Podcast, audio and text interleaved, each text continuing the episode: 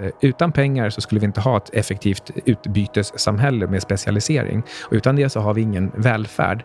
Anledningen till att vi är där vi är nu är att vi har informationssystemet pengar.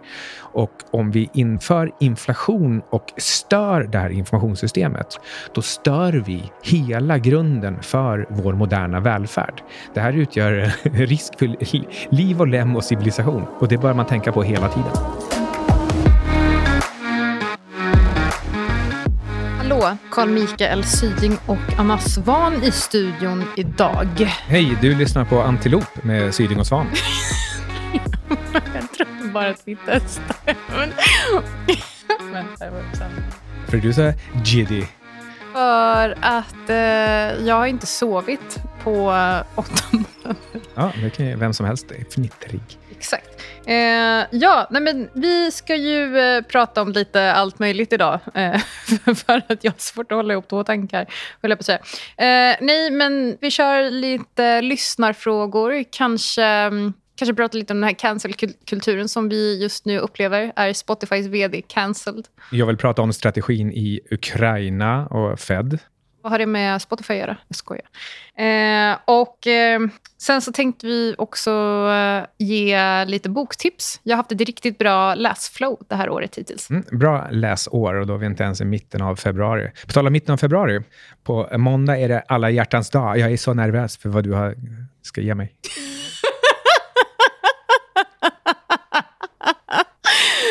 Det handlar om beslut under osäkerhet. Ja, vad ska jag få av dig då? Um... Undrar, om, undrar om alla som lyssnar på det här, det var det största cringen. Nej, men okej. Men, eh, kan, kan jag få börja med Ukraina? För jag liksom måste få det här eh, ur, av mig.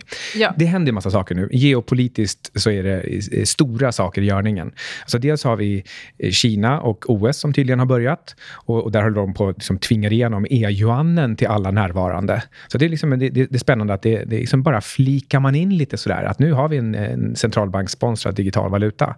Och under tiden så passar Ryssland på att som, ja, belägra Ukraina. Och då är frågan, jag kan ställa några snabba frågor till dig. Tror du att det blir hett krig? Tror du att eh, Ryssland går in i Ukraina? Jag tror att med min långa erfarenhet som, eh, eh som krigsstrateg så, eh, så ska man lyssna noga på vad jag säger härnäst. Eh, och eh, jag tror inte det faktiskt. Mm. Nej, och, och, det är nog det bästa svaret. Jag tror eh, Putin, han har dels lite så Skåne-nostalgi över Ukraina. Alltså det är som vi, vi skiter väl om vi har Skåne eller inte. Men samtidigt så är det lite nostalgi. Det är ingen annan som ska ha det i alla fall. Och så, så, så tänker han om Ukraina. Och så behöver han framstå som en stark man. Men att framstå som en stark man, det kan han kanske uppnå bara genom att Nato backar. Och Nato är nog lite fega och svaga nu. Ja, det, det är typ så jag läser det också. Det känns lite som att ingen vill egentligen riskera att det blir krig på riktigt. Men så får man också titta på den här nya alliansen mellan Ryssland och Kina. Och Den är också för att egentligen se till så att Ukraina inte går med i Nato. Mm. Och eh, Jag tror också jag tror att det här, det här är en väldigt viktig allians. Men jag tror också att det här är eh, i ett led att försöka motverka krig. För jag, jag är helt övertygad om att det är ingen som faktiskt vill att det ska bli krig. Man vill markera så att det är lite, lite mer kallt krig här. Mm. Och frågan är också vad man egentligen slåss om. Jag tror att det man slåss om det är egentligen metaverse. Eh, och att eh, ställa upp trupper längs i Ukraina. Alltså det, geografi är ju rätt passé. Det är liksom förra århundradet. Så, och, och det snackas egentligen redan om att vad Ryssland förbereder, det är ett cyberkrig där de inte tar ansvar för att det är de själva. Utan de gör massa attacker som man fattar är statssponsrade och att det är Ryssland men de kommer alltid kunna hävda att det inte var de. Så de kommer göra det på ett sätt som... som ja. och, och, eh, det är perfekt att passa på när Kina håller på med e-yuanen och OS och man låtsas ställa upp trupper och Nato låtsas ställa upp sina egna. Och under tiden så kan Ryssland säga här, här, får ni, för att ni eh, håller på och liksom stör med Swift-systemet. Sluta använda valutan som vapen, säger Ryssland och ställer upp trupper och skickar ut virus. Det, det är vad jag tror egentligen händer. Då menar du teknologiskt virus och inte ett eh, covid-22? ja. Eh, och, och, Kina gör samma sak i Taiwan. Så för övrigt en, en kul karta igår som sa, här är en karta över västra Taiwan den skulle inte Kina gilla att se. Men eh, ja, så att eh, det, var, det kändes mer bekvämt när vi pratade om eh, alla hjärtans dag. Ja, okay. Så du, eh, så du känner dig också lite obekväm med din roll som krigsstrateg? Jag tror hur som helst att om, eh, om Kina går för långt i Taiwan och för att kontrollera halvledarindustrin, det kommer verkligen slå tillbaka. Eh, och, men, men, jag tror att Kina inte riktigt kan hålla sig heller. Eh, och det tror jag är jättebra för alla halvledartillverkare i väst. Och bland de som liksom går lite på knäna, som folk har räknat ut, så är Intel. För Intel känns känns mer och mer som Alibaba. Liksom en, liksom en, en slagen hjälte som är på väg att resa sig. Mm. Ska vi, ska vi lämna eh, det här området som vi ju egentligen inte kan något om? Ja. Eh, jag känner generellt så befinner jag mig i en svacka just nu. Jag försöker skriva memos och sen så när jag skrivit färdigt dem så läser jag igenom dem och så känner jag att om jag känner inte att jag tillkommer med något nytt i debatten och så raderar jag dem. Så nu raderades något. Eh, jag tror att det beror på sömnbrist. Men eh, ska vi... Eh, det som jag gör istället då är att jag samlar eh, inspiration och information genom att läsa mycket. Så jag måste ju använda min svacka åt någonting. och och eh, jag läste efter att du hade rekommenderat en bok eh, ganska länge till mig. Så läste jag den äntligen som första bok det här året. Case Against Reality av Donald Hoffman. Väldigt provokativ. Men, eh, eh men väldigt, väldigt intressant. Och eh, efter att också nu ha läst Anil Seths bok Being You som är eh, den senaste vetenskapen om medvetande kom ut i september 2021 så eh, tänkte jag under första halvan av den boken att undra om Annie är eh, bekant med eh, Donald Hoffmans arbete, vilket jag antar att de är, eh, även om det är olika forskningsområden. men, men jag tänkte att vi skulle prata lite om Case Against Reality. Du som pitchade in den här boken till mig, vill du bara mm, snabba drag. Vad handlar den om egentligen? Man kan säga så här att eh, det finns någonting där ute, någon slags verklighet. Och så finns det någonting här inne. Det är vårt medvetande. På något sätt så ska de här få tag på varandra. Eh, mitt medvetande ska ta reda på vad det är som finns där ute. Och det gör den genom ett eh, framevolverat system där hud och ögon och öron och näsa läser av saker på det som är där ute. Och sen gör den en helt egen tolkning och renderar genererar en verklighet här inne i mitt medvetande. Och Don Hoffman han eh, går i liksom bevisning, bland annat med datormodeller och evolutionsteorier och, och, förklarar varför det som är där ute antagligen är någonting helt annorlunda än, än det vi upplever. Det behöver varken finnas eh, eh rymd eller tid eller eh, lokalitet. Alltså egentligen kan man säga att han på ett ganska snyggt sätt återskapar kvantmekaniska principer som också säger att det inte finns rum och tid eller lokalitet. Alltså att saker och ting är, är nära varandra ur, ur liksom någon slags rumsligt perspektiv. Um, och, och, och, boken är skriven på ett, väldigt smart och övertygande sätt. Jag bara tar ett litet exempel när han pratar om dofter. Känslan av en doft, den är någonting helt annat än utseendet på en doftmolekyl. Där får man en väldigt konkret bild av att det som är där ute är något helt annat än det som är här inne. Och han menar då att hela verkligheten antagligen antagligen är lika mycket annorlunda konstig där ute än det vi upplever här inne. Och Det är också därför som dofter för olika typer av djur, människan är ett djur, eh, är subjektiv. Jag menar, vi tycker ju till exempel att eh, avföring från en elefant luktar förmodligen fruktansvärt medan eh, andra djur tycker att det luktar jättegott för att det finns näring där i för dem. Vi har ju båda sett våra hundar äta bajs och fattar liksom inte varför. Och man, vi stoppar dem och tycker att det är äckligt. Det var faktiskt mest din hund. Men det tycker inte de. Din hund också.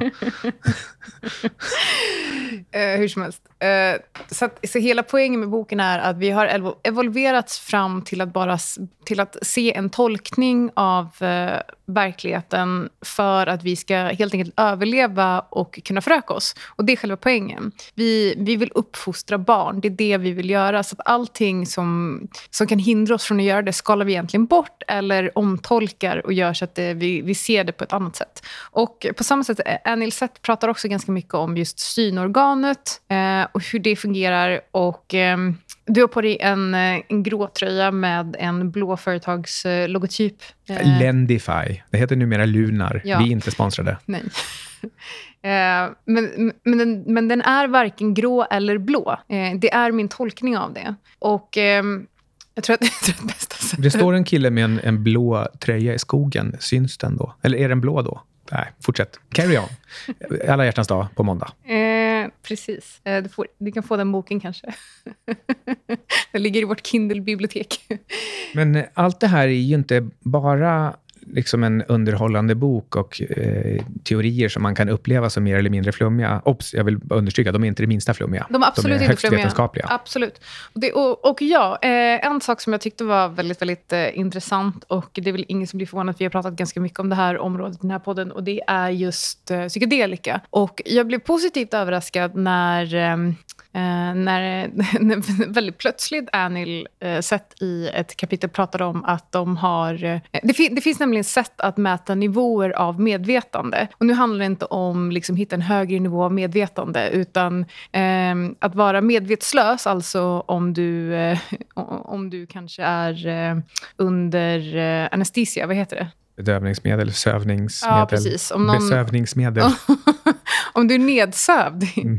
Eh, eller om du ligger i koma. Liksom, och det, sättet man kan mäta det på, då har de också tagit fram automatiska modeller och också tittat på liksom hur, eh, vad som sker i hjärnan. Och då är det väldigt få slumpmässiga rörelser i hjärnan. Egentligen skala från medvetslös till vaken. Exakt. Men, men wakefulness är väldigt annorlunda. Okay. För du kan, vara, du, eh, du kan ha hög nivå av wakefulness, men ett lå, en låg nivå av medvetande. Och det är också det, och Woke, tvärtom. Wokefulness då? Ja, eh, vi kommer till det med.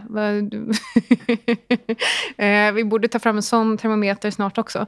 Men, så, så då pratar man om nivåer av wakefulness, nivåer av consciousness. Men det är två olika saker. För du kan också vara Eh, ofta är det ganska hög korrelation mellan de här två. Eh, men det finns också fall då folk är absolut har noll wakefulness, eh, men där de har eh, full consciousness. Några mm. exempel på det och sätt som man kan mäta det här på är att man tittar då på vad som händer. Man lägger någon under magnetröntgen och det kan vara någon som till synes verkar ligga i en koma. Eh, kan inte ens öppna ögonen, kan inte göra någonting. Liksom. Och då eh, har det varit till exempel folk som har varit med i olyckor. Och det här är jättesorgligt för det kallas för the locked in syndrome. Och man uppskattar att 10-20% av alla som är medvetslösa eller ligger i en koma, eh, att de faktiskt är vid medvetande, men att de då befinner i det här locked in syndrome. Så det man kan göra då är att eh, sättet man kan mäta det här på är att man tittar på två saker. Man, ber, man lägger personen i en magnetröntgen och så bevakar man hjärnan och så ber man dem först att visa, visa, det, eh, visa dig runt i deras hus. Så tänk dig att du visar mig hur det ser ut i ditt hus.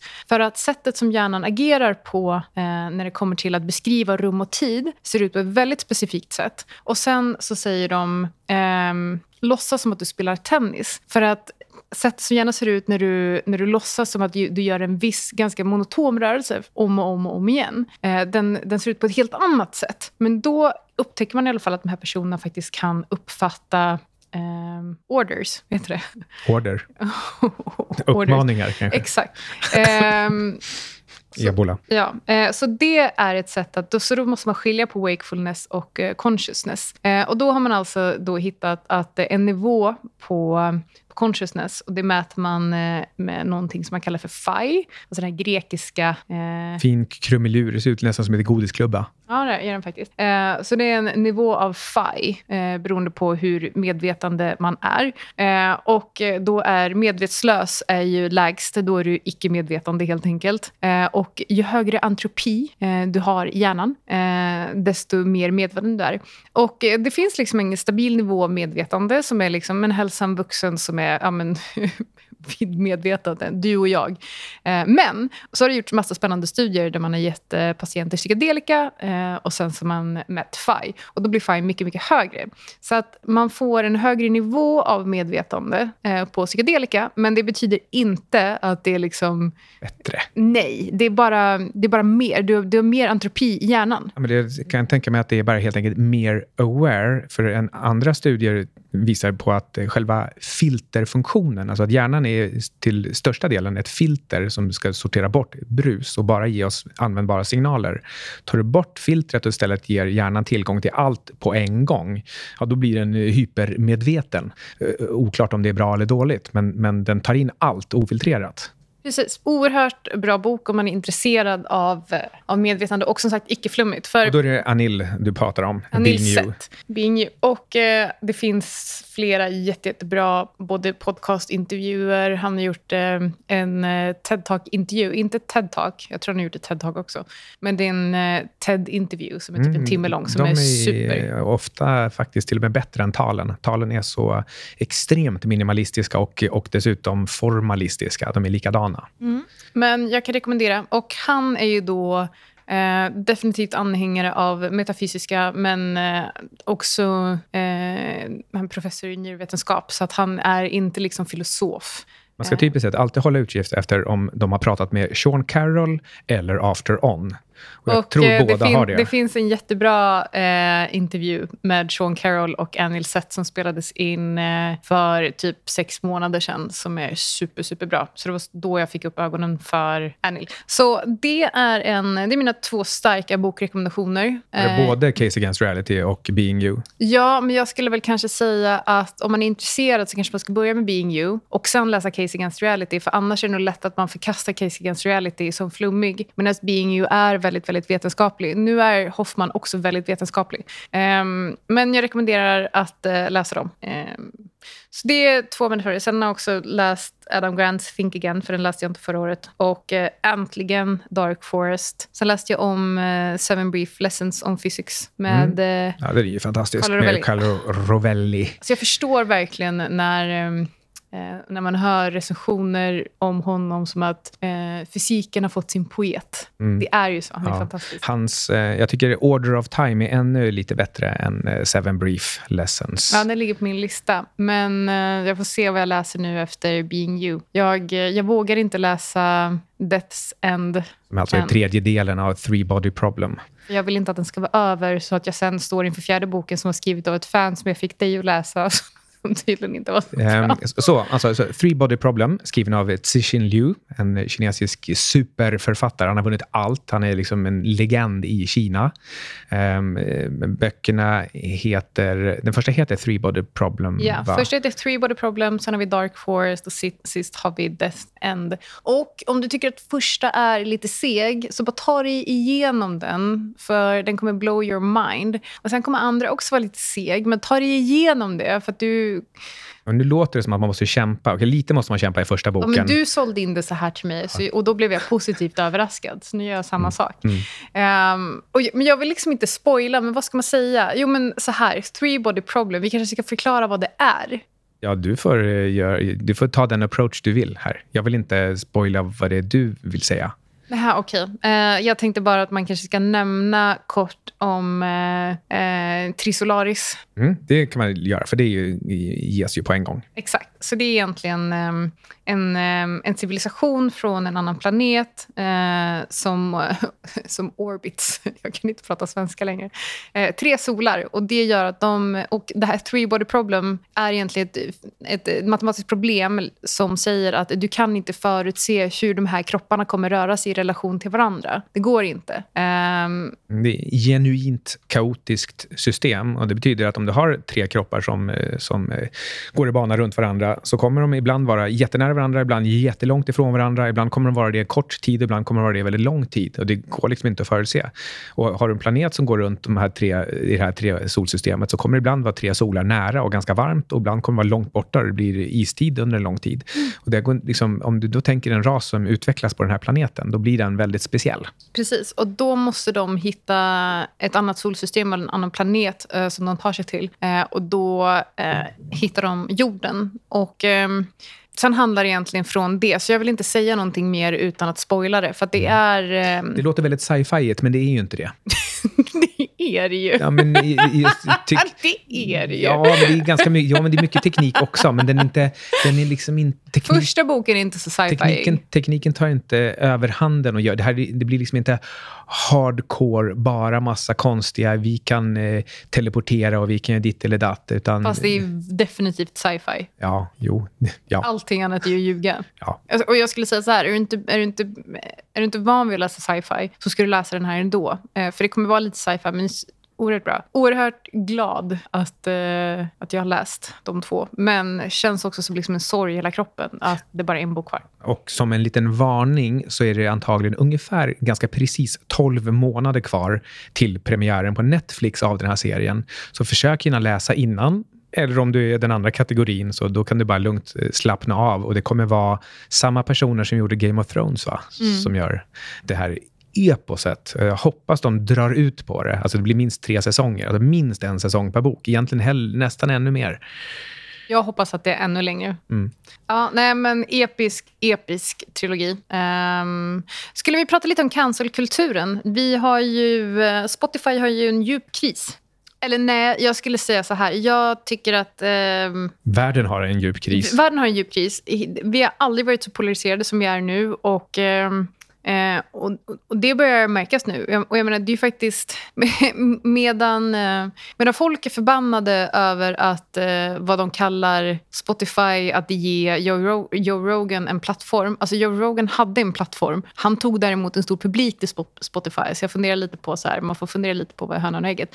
Så medans... Eh, Medan hela västvärlden är förbannad över det. Eller, eller, hälften av västvärlden är förbannad över det och hälften av västvärlden är förbannade över att folk är förbannade över det. Ungefär så. Eh, så har Ryssland och Kina allierats. jag, är, jag är mest förbannad över att någon lyssnar på Rogan överhuvudtaget. Inte för vad han säger, utan för att jag förstår inte hur man orkar. Jag har lyssnat på totalt tre avsnitt av cirka 3000 avsnitt. Eh, och eh, de är lika outhärdliga på något sätt. Alltså jag lyssnade då på det senaste. Eh, han pratar med Jordan Peterson. Och jag gillar Jordan Peterson, men jag tycker det här blev det fyra timmar där Jordan Peterson inte riktigt kom till sin rätt. För att Joe Rogan, han, han tillför ingenting. Han avbryter och han säger inget intressant. Och... Han säger roliga saker. Jag lyssnar faktiskt inte så mycket på Joe Rogan alls. Det är mer om jag sitter i en lång roadtrip med min sambo och han sätter på Joe Rogan. Då brukar jag lyssna på, på mm. Joe Rogan, men mm. aldrig själv. Men, så, men jag tror att det är också så här, att det beror lite på vilken... Olika publik gillar olika saker. Och eh, Nu ska jag dra en analogi som säkert inte kommer att vara så uppskattad av många. Men det, nu handlar det egentligen bara om olika smak. Och eh, Jag är Sean Carrolls största fan. Jag lyssnar på allt han gör. Jag bara tycker att det är, jag gillar hans intervjuer. Jag tycker att det är bara mysigt att ha i bakgrunden. Eh, när jag är ute och går eller när jag tränar. Jag bara här, snappar upp någonting liksom, som blir så här, aha. Eh, och tycker att hans perspektiv och hans, eh, hans sätt att ställa frågor på är så annorlunda mot många andra. Han kan ju också allt. Han har Exakt. läst på allt som gästen har gjort. Exakt. Och sen så har vi... Eh, så det är min absoluta favoritintervjupodd. Jag har däremot lite svårare för Lex Friedman. För jag tycker att det blir eh, lite ytligt, väldigt långt, långdraget. Och jag har upptäckt att... För jag sa det här till dig och du höll absolut med. Men jag menar, både Lex Friedman... Lex Friedman är definitivt mer populär än Sean Carroll. Eh, men... Eh, Eh, Märkligt. Nej, nej, nej, men det är, det är inte märkligt. Det, handlar väl bara om att din och min smak är liksom kanske smalare. inte smalare. smalare då. Mm. Um, men, men jag skulle säga att det är lite samma sak. På, och jag tror att det kanske är därför som du inte gillar Joe Rogan. För att eh, det blir liksom ytligt. Jag har alltid varit en uh, outsider och det finns väl en anledning till det helt enkelt. Att jag inte riktigt uh, har samma wiring som andra. Men ändå gillar du uh, Three Body Problem? Ja, det vill säga att jag gillar ju tydligen kineser, eller liksom tänker samma sak som, eh, som, som dem. Det är någonting i eh, språket som ändå är översatt av hans brorsa, tror jag. Ehm, det, först är det skrivet med tecken och deras språk är poetiskt. Det är, det är väldigt staccato om du tittar på vad det faktiskt står, om du bara översätter grejerna. Men det är mer liksom som att du har blandat dofter eh, och de ska gå in i varandra och de skapar någonting av att tecknen står bredvid varandra. Och när du översätter det, då får det en, an, det får en, en väldigt speciell klang som är lite svår att vänja sig vid, men när du har vant dig vid den och förstår vad det är som pågår under ytan, eh, då blir det i sin tur, då känner du poesin i, i det hela. Så jag, jag tror att det är... Eh, plus också att han, han vågar dra ut på allting. Han, om han ska säga att någonting är viktigt, då säger han inte bara den här saken är viktig. Utan han låter hela storyn ta hundra sidor så att det blir viktigt. Och, och, och sen gör han någonting med det. Ja, och nu vill jag inte spoila på något sätt. Ehm, men det finns ehm, bara en, eh, det här är faktiskt inte att spoila, men i en del i andra boken så beskriver han hur en författare beskriver hur svårt det är att skapa en karaktär i en bok. Och sättet som han bygger upp det här på är fantastiskt. Jag ryser när jag pratar om det. Men jag vill inte säga mer än så. Och det är en sån liten sak. Eh, men han gör det så stort. Det är som en hel bok i boken. Ja, verkligen. Fantastiskt. Um, Okej, okay, men uh, vad har du läst hittills i år? Jag har läst en bok som heter eh, Path of Shadow, eller Path of Shadows. Och jag skulle börja läsa den och så sa du att den är rätt störig. Och så ja. öppnade jag första sidan och så var första meningen asstörig. Ja. Och då tänkte jag att äh, men jag börjar med uh, Being You istället. ja, det, det, en, det här är en, en, en, bok som man får... Uh, jag fick den i, i, i present. Jag fyllde ju 50 förra veckan. Och jag har fått ebola av det också. Men, Två veckor sedan ja, faktiskt. Eh, och eh, den... Eh, alltså boken, egentligen så säger den, försöker den förklara exakt hur hela universum vad det går ut på. Minsta beståndsdel och hur allting byggs upp till det stora. Och eh, allt från kosmologi till, till eh, kvantmekanik. Liksom den förklarar egentligen allting och den utgår bara från eh, resonerande för att komma fram till det här. Så den är helt förkastar det empiriska paradigmet. Det är, en mycket spännande och fängslande take på, på liksom verkligheten. Men tyvärr så är den ju skriven som för liksom Joe Rogans efterblivna kusin. Alltså det verkligen är liksom, någon står på en tvålåda i Hyde Park på 1800-talet och skriker ut gång på gång på gång. Lyssna upp, hör upp, här är sanningen.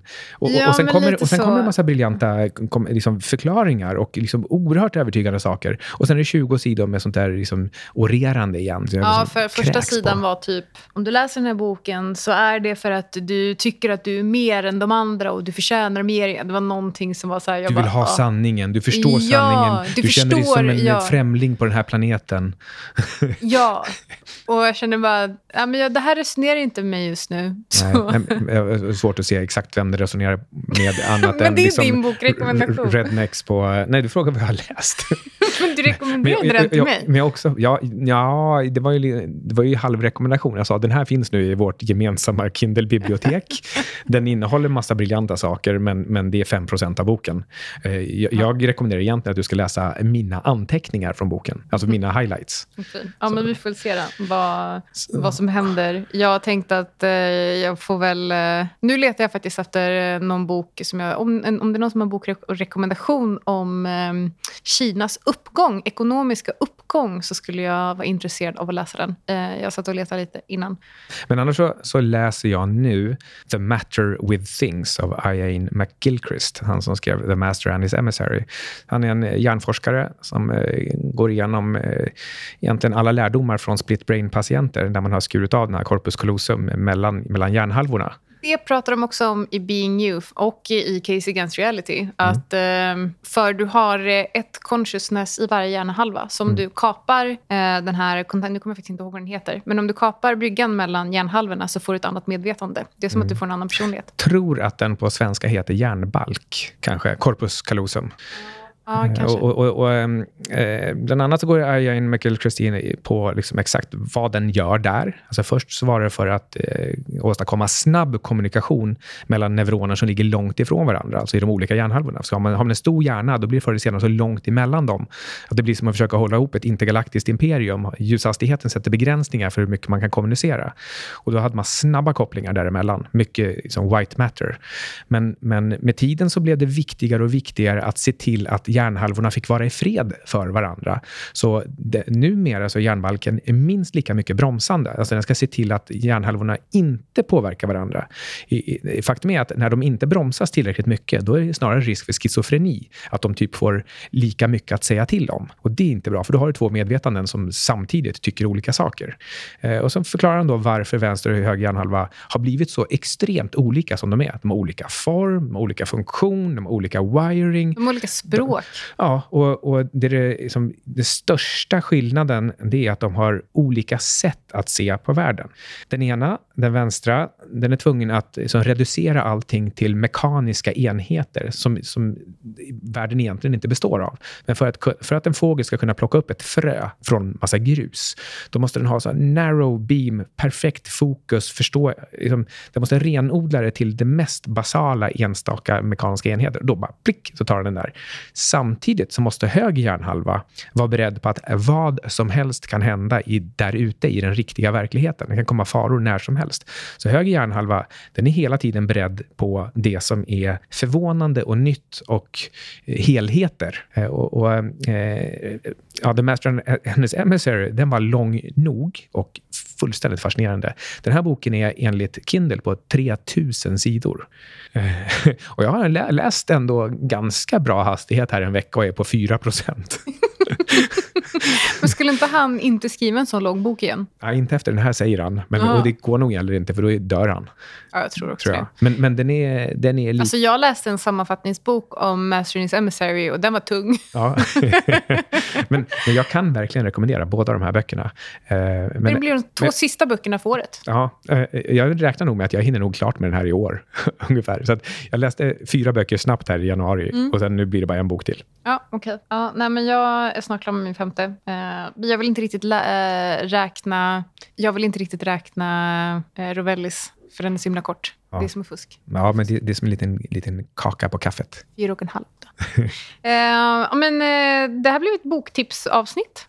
Ja, eh, jag kan knyta ihop det kanske på något sätt. Vi oh, om... nej, men innan mm. så måste vi ta en lyssnarfråga. Ja, ta en. Ja, den viktigaste. Matilda Karlsson frågar är det en slumpmässigt vald lyssnare? Nej, men det var den som var mest likad. Jaha, men det är Matilda Karlsson på ja, Pareto? Pareto mm. frågar, hur många timmar om dagen är det normalt att tänka på inflation?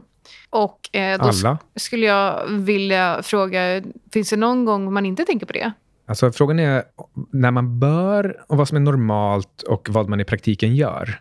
Ja, hela tiden. Ja, alltså inflation är kanske den absolut största och viktigaste frågan som mänskligheten står inför. Jag menar, det är också så här, när du ska förhandla din lön, när du ska köpa en bostad, om du ska hyra en bostad. Jag menar, någonstans så, även om vi säger att pengar inte är så viktigt, och det tycker vi givetvis att det är, annars hade vi kanske inte drivit den här sånt, jag vet inte. Eh, så är det ändå som så att för att du ska ha tak över huvudet så behöver du kunna betala för det. Och för att du ska kunna äta så måste du kunna betala för det. Eh, och om, eh, om maten blir dyrare, om ditt boende blir dyrare så blir det svårare och dyrare för dig att täcka dina fysiologiska behov. Så jag skulle säga att um, det är normalt att låta inflation uppta en större del av din dag. faktiskt. Uh anledningen till att vi inte bor i grottor eller lever som samlare och jägare, det är att vi har lyckats specialisera oss. Och egentligen redan det var att specialisera sig. Kvinnorna kunde samla bär och, och männen samla mammutar.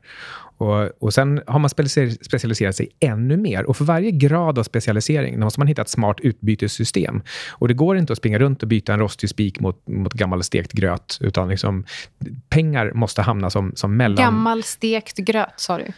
Ja, men det finns någon låt där. Och jag bytte en spik mot en rostig gröt. Ja, det var länge sedan. Eh, jag konstaterar ju nu att du är 20 någonting och jag är 50 någonting. Det var någon som trodde att jag var 45 på Twitter. Hur som helst, vad jag försöker leda i bevisning här, det är att eh, utan pengar så skulle vi inte ha ett effektivt utbytessamhälle med specialisering. Och utan det så har vi ingen välfärd. Anledningen till att vi är där vi är nu, är att vi har informationssystemet pengar. Och om vi inför inflation och stör det här informationssystemet, då stör vi hela grunden för vår moderna välfärd. Det här utgör risk för liv och lem och civilisation. Och det bör man tänka på hela tiden. Ja, och eh, med det så har du lyssnat på Antiloop. Du har lyssnat på Antiloop Podcast som produceras i samarbete med Vexatom Media. Ingenting som du har hört i det här avsnittet har varit någon form av rekommendation och alla placeringar är förknippade med risken att förlora hela eller delar av ditt kapital. Glöm inte att prenumerera i din podcastapp och lämna gärna en recension så hjälper du oss nå ut till fler lyssnare. Mer information om Antiloop hittar du på antilophedge.com. Där får du även tillgång till Antiloops senaste memos.